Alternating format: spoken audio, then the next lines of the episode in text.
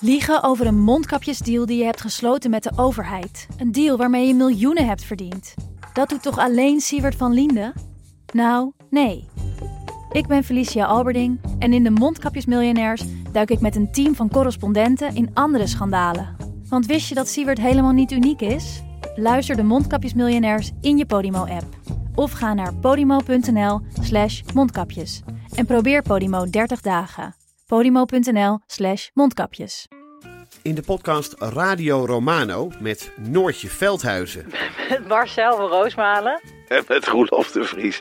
brengen we alle drie elke week een zogenaamde signalering mee. Wat heb jij nou weer bij je? En aan het eind bepalen we wie de winnaar van de week is. Echt een angstcultuur Lege huls die je er bent? Ja, dat gaat eigenlijk altijd onvriendelijk. Luister nu naar Radio Romano bij Podimo. Via podimo.nl slash Radio Romano luister je 30 dagen gratis. Hallo, hier is uw wekelijkse podcast van de Groene Amsterdammer. Ik ben Kees van der Bos.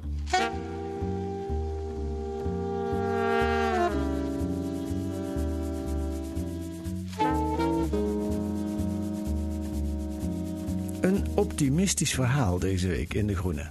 En dat nog wel over het klimaat. Nou ja, over alternatieve energie. Maar dat heeft natuurlijk zijn doorwerking op de klimaatcrisis. Wat is het verhaal? Het gaat goed met zon, wind en batterijen. Veel beter dan u denkt. Veel beter dan ik dacht in elk geval. En veel beter ook dan premier Rutte dacht toen hij tien jaar geleden in een tv-debat voor de verkiezingen van 2012 nog een grap kon maken over windenergie. Wij zijn tegen kolencentrales. Wij zijn voor een mix van kernenergie en alternatieve energie. Wij te- steken een half miljard in de ontwikkeling van alternatieve energie. Als het maar niet die malle windmolens zijn, want u weet, die draaien op subsidie, die draaien niet op wind. Maar wij willen absoluut dat de energiezekerheid wordt geborgd. Daar kon je tien jaar geleden nog een applaus mee oogsten. In elk geval bij een verkiezingsdebat. Maar die grap die kan niet meer, hè Pepijn? Nou, inmiddels zijn de windparken op zee. Moet je een zak geld meebrengen om ze te mogen realiseren. Ja. Dus eh, er is geen sprake van meer van een subsidie, maar eh, de ontwikkelaars die subsidiëren de overheid. Ja, en de stem die u hoort is van Pepijn Vloemans, freelance journalist van onder andere De Correspondent, de NRC en De Groene. eh, en schrijver van het boek van de Survival Gids voor het Consumptieparadijs. Ik ga even wat over jou vertellen, Pepijn. Afgestudeerd filosoof en jurist. eh, en publiceert veel over duurzame energie. Ben ik iets belangrijks vergeten? Ja, de afgelopen zes jaar heb ik gewerkt bij Fastnet. Eh, een ehm, bedrijf dat snellaadstations bouwt voor elektrische auto's. En waar ik ook de energietransitie van binnenuit heb meegemaakt. Oké, En heb gezien hoe ehm, betaalbaar elektrische auto's zijn geworden. Veel sneller eigenlijk dan de meeste mensen dachten. ja. En wat, wat, was, wat is jouw, want je werkt hier nog steeds, wat, eh, neem ik aan. Wat is Nee, ik ben, er, ik ben er gestopt eh, eind eh, 20, Ah, Oké, en, 2020. oké. en wat was jouw werk daar? Ik was hoofdcommunicatie. Aha. Eh, je bent ook een eh, kritische optimist. Tenminste, zo sta je geportretteerd op de site van de correspondent. Ehm, eh, waar komt jouw optimisme vandaan? Heb je dat altijd gehad? Ah, ik heb een boek gelezen toen ik vrij jong was, wat mijn leven veranderd heeft. Ehm, dat ging over nanotechnologie. Eh, het heet Engines of Creation van Eric Drexler.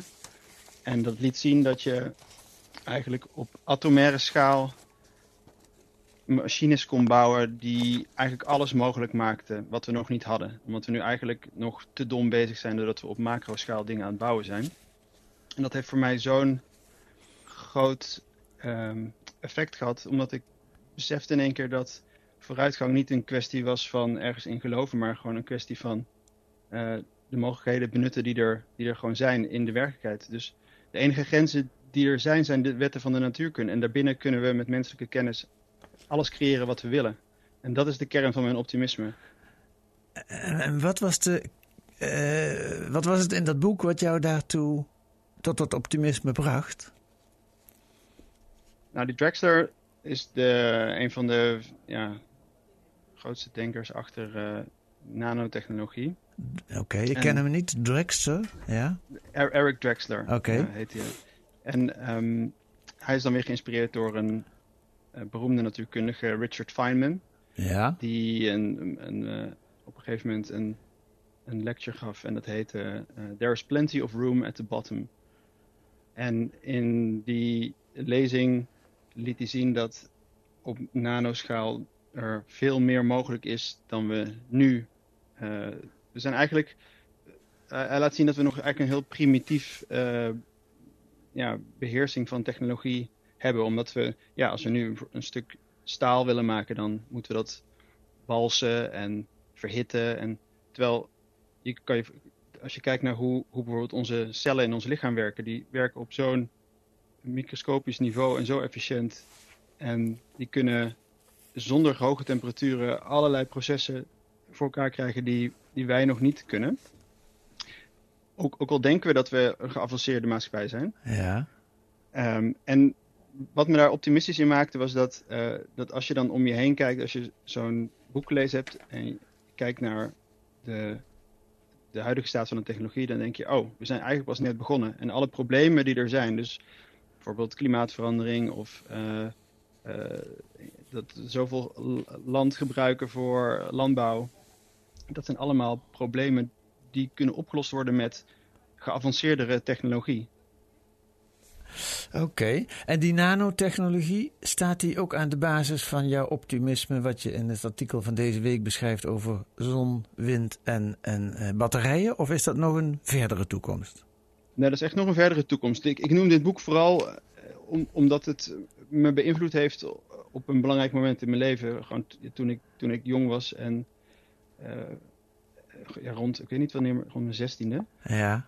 Um, en, en dat heeft dus mijn wereldbeeld sindsdien gekleurd. Dat is hoe, hoe ik de, de werkelijkheid benader sindsdien, of problemen benader. Uh, maar nanotechnologie speelt, voor zover ik weet, nog niet echt een rol in uh, hoe zonnepanelen geproduceerd worden. Sterker nog, dat, dat is eigenlijk volgens mij nog een, eh, een relatief energie-intensieve eh, bedoeling. Het is vooral de opschaling die, die, die grote eh, effecten heeft gehad voor de, de kostendaling. Ja, ja. Nou laten we even jou, jouw hoofdconclusie van het artikel beschrijven. En die is dat, ik probeer het, jij mag me dan verbeteren. Zon, wind en batterijen maken een exponentiële ontwikkeling door. Dat wil zeggen, het gaat veel harder dan de normale schuine lijn omhoog die je in veel grafieken ziet. Het schiet als het ware omhoog. En dat betekent dat het ja, bijna revolutionair is hoe, hoe, er, hoe goed dat vooruit gaat. Vat ik het zo goed samen? Ja, eigenlijk wel. Wat je hebt gezien de laatste decennia is dat iedereen, praktisch iedereen zei dat een transitie naar zon en wind duur zou zijn, of in ieder geval heel duur. En dat we dat, dat, dat kosten met zich mee zou brengen die dan eerlijk verdeeld moesten worden over de wereld. Uh, en dat er problemen zouden ontstaan met uh, leveringszekerheid. Dat hoorde je Mark Rutte ook al zeggen. Uh, omdat er dan, als de zon of, niet schijnt en de wind niet waait, er geen stroom meer is. Ja, de bekende donkelflaute heet dat, geloof ik. Hè? De donkelflaute, ja. Ja, ja. Um, en dat is dus compleet veranderd in de afgelopen tien jaar. Dus de zon en wind zijn nu al op de meerderheid van de plekken ter wereld goedkoper om aan te leggen dan bestaande fossiele uh, centrales. Ja, en dat gaat echt tegen alle verwachtingen in. Hè? Ik, ik, ik, las een voorbeeld van jou dat het Internationaal Energieagentschap zes jaar geleden nog dacht zonne-energie, dat, eh, dat gaat ergens in 2040 misschien eh, rendabel worden. En dat hebben ze, terwijl dat een vrij conservatief genootschap is, dat hebben ze bij moeten stellen, die voorspelling.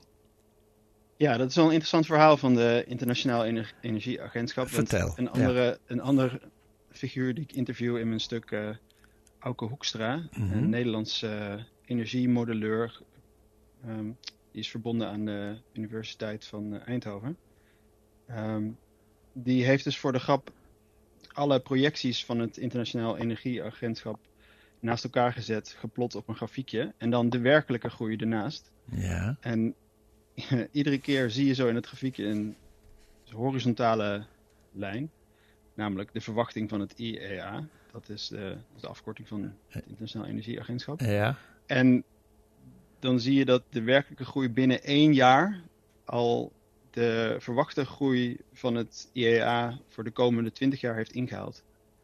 Uh, dit is, ja, het, het, is bijna hilarisch, omdat het 16 jaar op een rij zo gebeurt.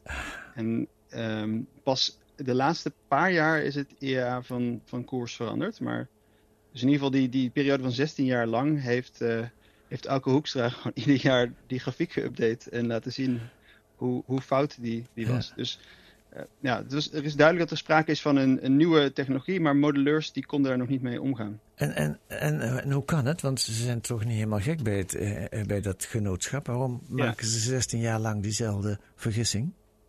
Ja, e enerzijds is het een soort technisch verhaal achter wat niemand helemaal begrijpt. Maar dat heeft te maken met dat ze zeggen, ja, de voorspellingen die wij maken, die zijn op basis van het beleid dat de wereld nu geformuleerd heeft. En daarin zit de toekomst niet.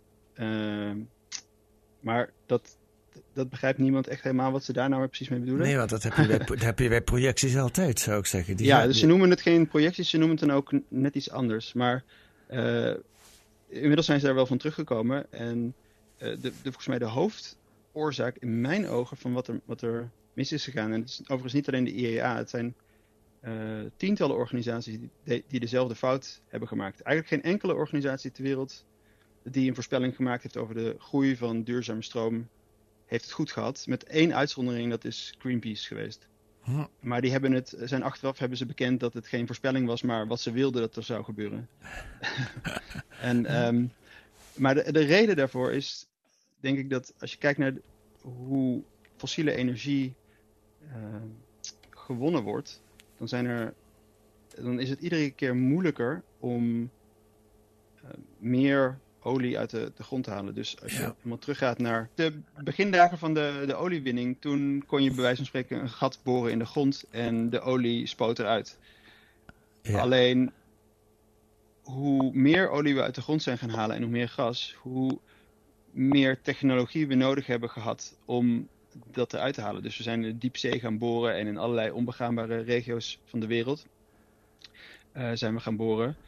Um, en met enige uitzondering zou je nog kunnen zeggen Saudi-Arabië, waar het nog steeds uh, vrij makkelijk te winnen is. Mm -hmm.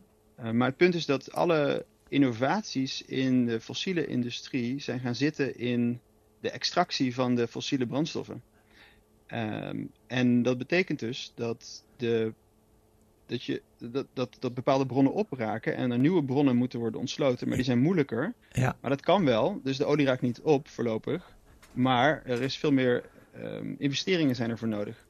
En daardoor blijft dus de prijs van fossiele energie over de afgelopen 140 jaar gelijk. Mm. Um, maar in duurzame energie is een heel ander proces gaande. En dat zijn die, die leercurves, uh, waar ik het in mijn stuk ja, uitgebreid op inga. Mm -hmm. uh, dat, dat betekent dus dat de, alle lessen die geleerd worden bij de productie van bijvoorbeeld zonnepanelen en, wind, en, en windmolens en batterijen, zich één op één doorvertalen in de prijs van de energie.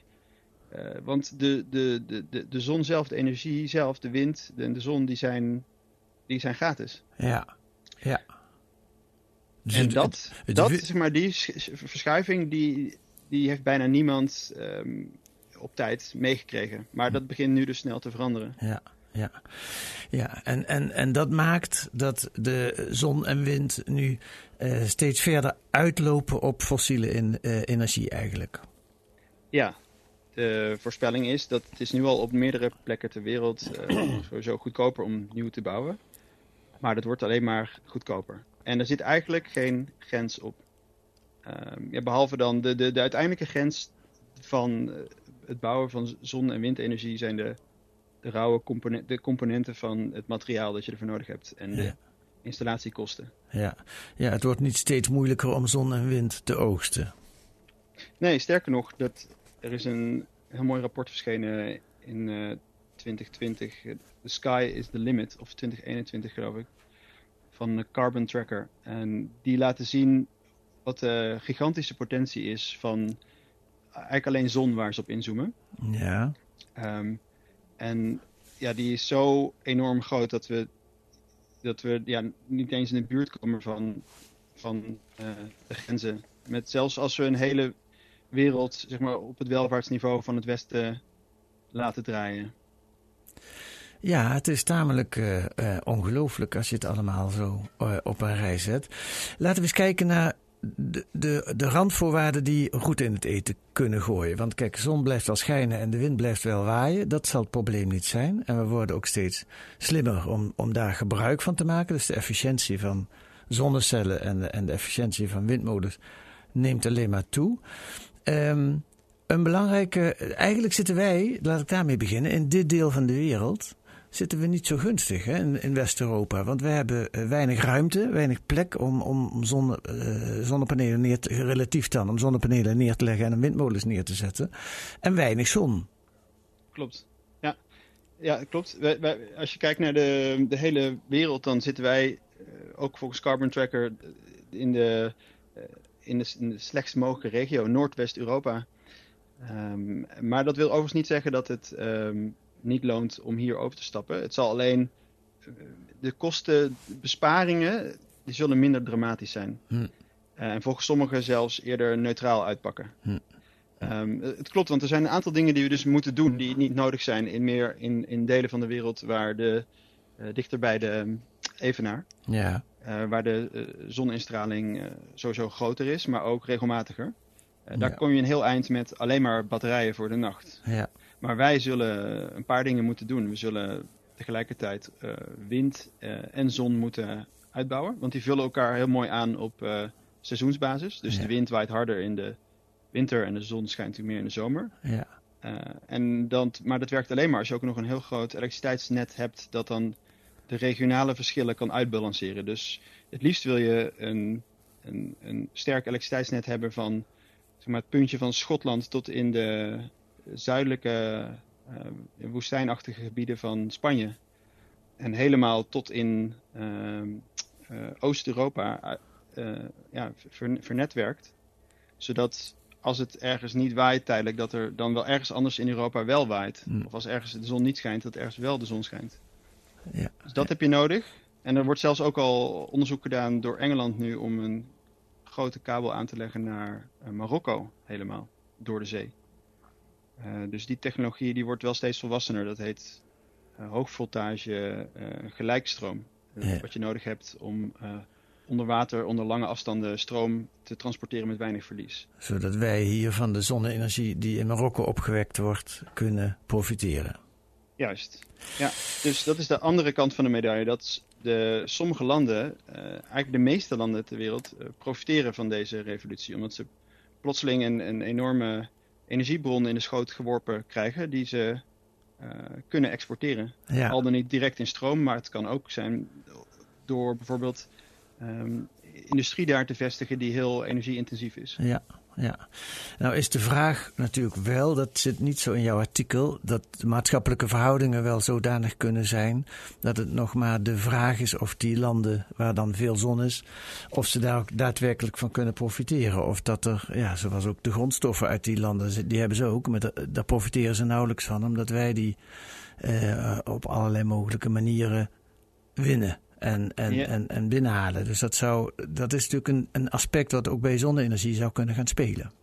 Er zit, er zit een wezenlijk verschil in. En dat is dat zonne-energie um, in ieder geval in potentie heel decentraal mogelijk is. Dus uh, je, je, je, zeg maar, huishoudens kunnen in, dicht bij de evenaar eigenlijk samen met een batterij en een, een, een zonnepaneel op een dak en eventueel een, een kleine netaansluiting uh, kunnen ze ja, echt de, de, veruit de meerderheid van hun stroom uh, met, zo, met zonnepanelen opwekken. Ja. Dus, dus het is mogelijk om het, om, om, om, de, de, om, om het echt een technologie te laten zijn die van de mensen is. Ja. Ja, in de toekomst, stel ik me zo voor, hebben wij allemaal een accu in de kelder staan en zonnepanelen op ons dak, bij wijze van spreken. Ja, dus, maar dat, dat, dat hangt ook ervan af in welke, Ehm, in, in, welk land je, je woont, zoals ik net zei. Dus in, in, batterijen die zijn erg nuttig op plekken waar bijvoorbeeld uh, de, net, uh, de, de, netverbinding niet zo goed is. Dus het hm. elektriciteitsnet. Mm uh, en waar je ook kan profiteren van dagelijks veel zon. Zodat je eigenlijk alleen s'nachts de batterij nodig hebt. En op die manier heb je eigenlijk het hele jaar door voldoende stroom met alleen batterij en zonnepanelen. Ja.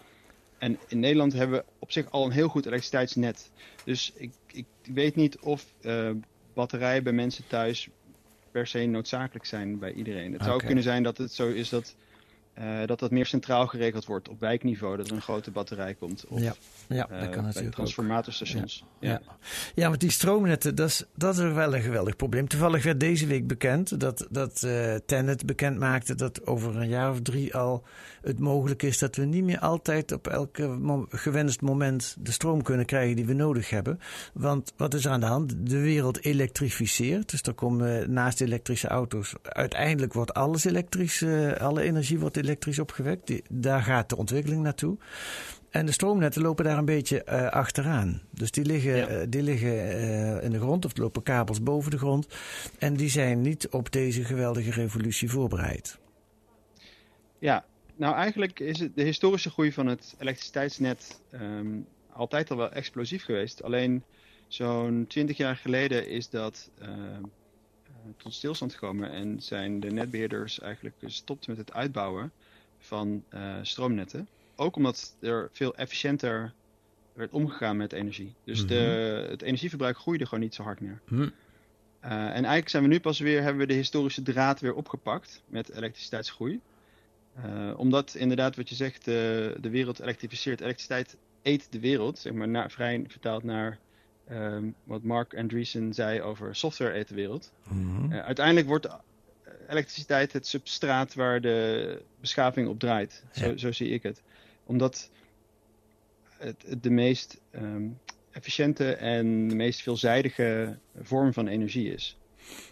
Um, dus de, dan heb je het over verwarming van huizen wordt elektrisch, de transport wordt elektrisch. Vliegtuigen uh, worden elektrisch. Vliegtuigen boten. worden uiteindelijk elektrisch. Ja. ja. boten ook uiteindelijk. Ja. ja. Dat is nu nog lastig voor te stellen.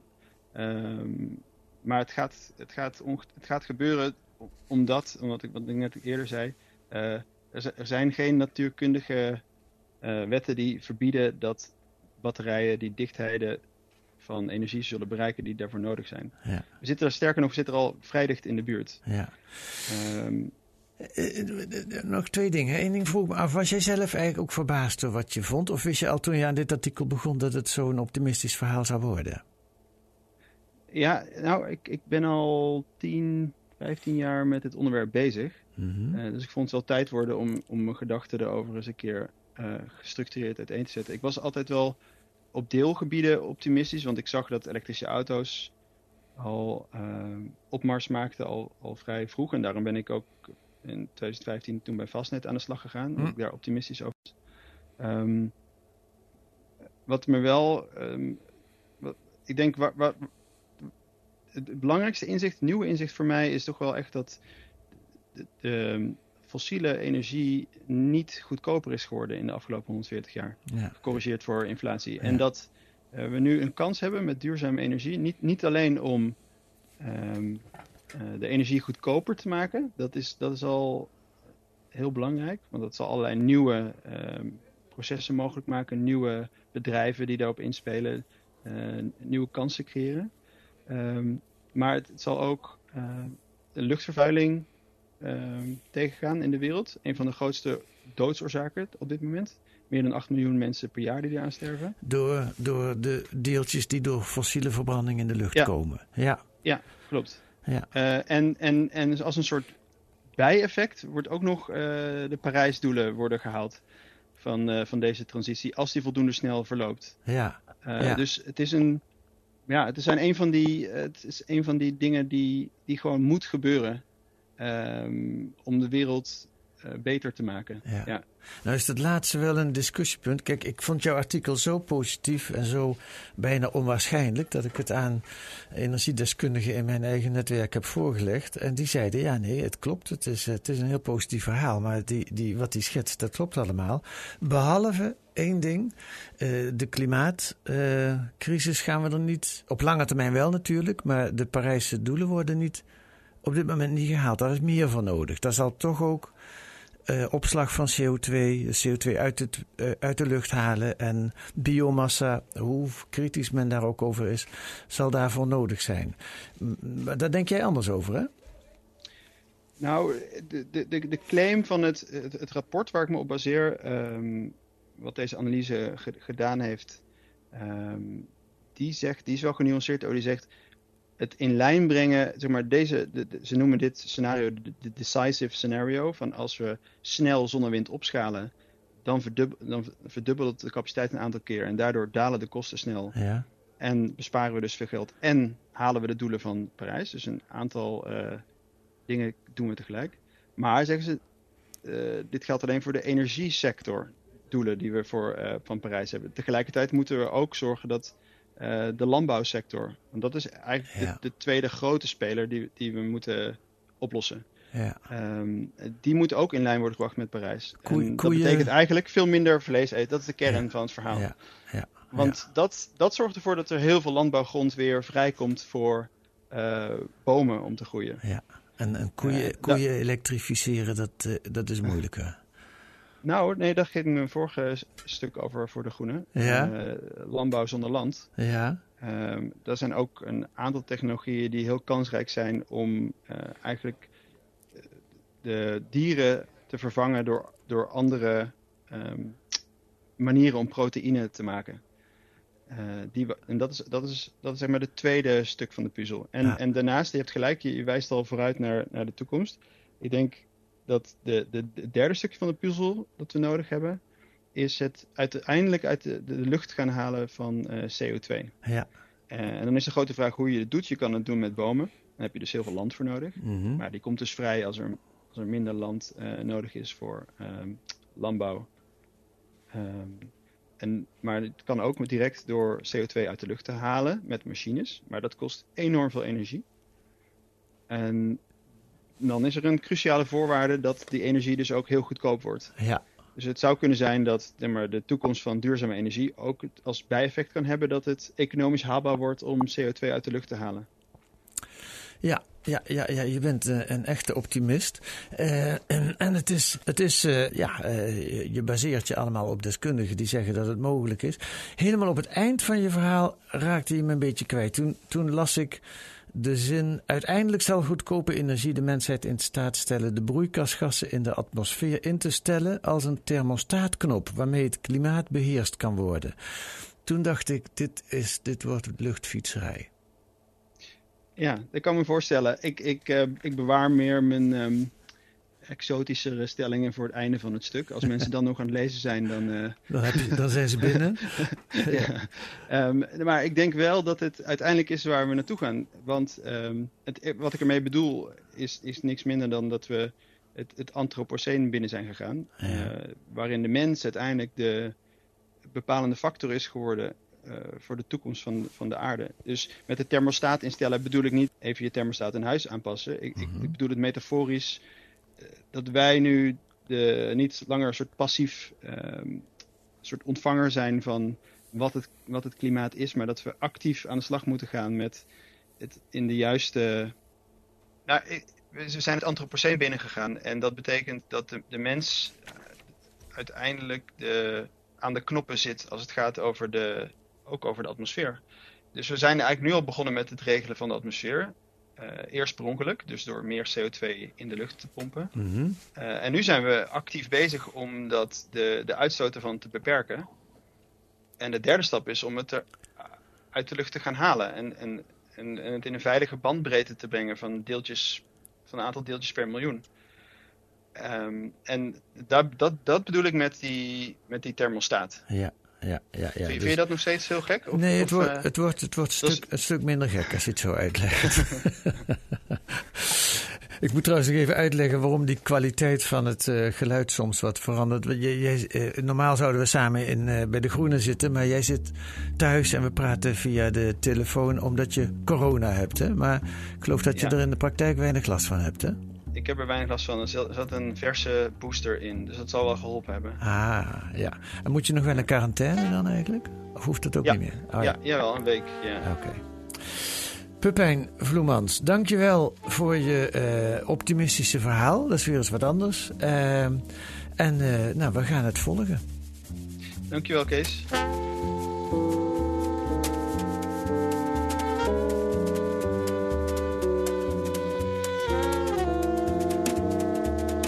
Lees dat deze week in de Groene Amsterdammer. En lees ook een reportage over de teleurgang van het konijn. Het konijn. Ja, het gaat namelijk slecht met het konijn. En dat is ook slecht nieuws voor de biodiversiteit in natuurgebieden. En natuurbeheerders doen inmiddels hun uiterste best om het beestje weer terug te krijgen. En dan ook een essay over, nee, van Abraham de Zwaan over het Nationaal Holocaust Namenmonument aan de Amsterdamse Weesperstraat. In eerste instantie had de zwaan nogal bedenkingen. Hij vreesde een protserig en luidruchtig monstrum. Maar na een paar bezoeken ging hij er toch anders over denken. En dat beschrijft hij in De Groene. Dat kunt u lezen met een abonnement of een proefabonnement. Ga dan naar groene.nl. 10 weken De Groene voor 15 euro. Dat wordt daar uitgelegd. Wilt u reageren op deze podcast? Dan kan dat via de mail podcast.groene.nl. U mag ons ook sterren geven in uw podcast-app of een korte recensie. Dan weten wij ook weer waar we staan. En volgende week zijn we er weer met analyses en achtergronden bij het nieuws in deze podcast van de Groene Amsterdammer, die deze week werd gemaakt door Maria van Dordrecht en Kees van der Bos. En de muziek is de Tune for N van Paul van Kemenade.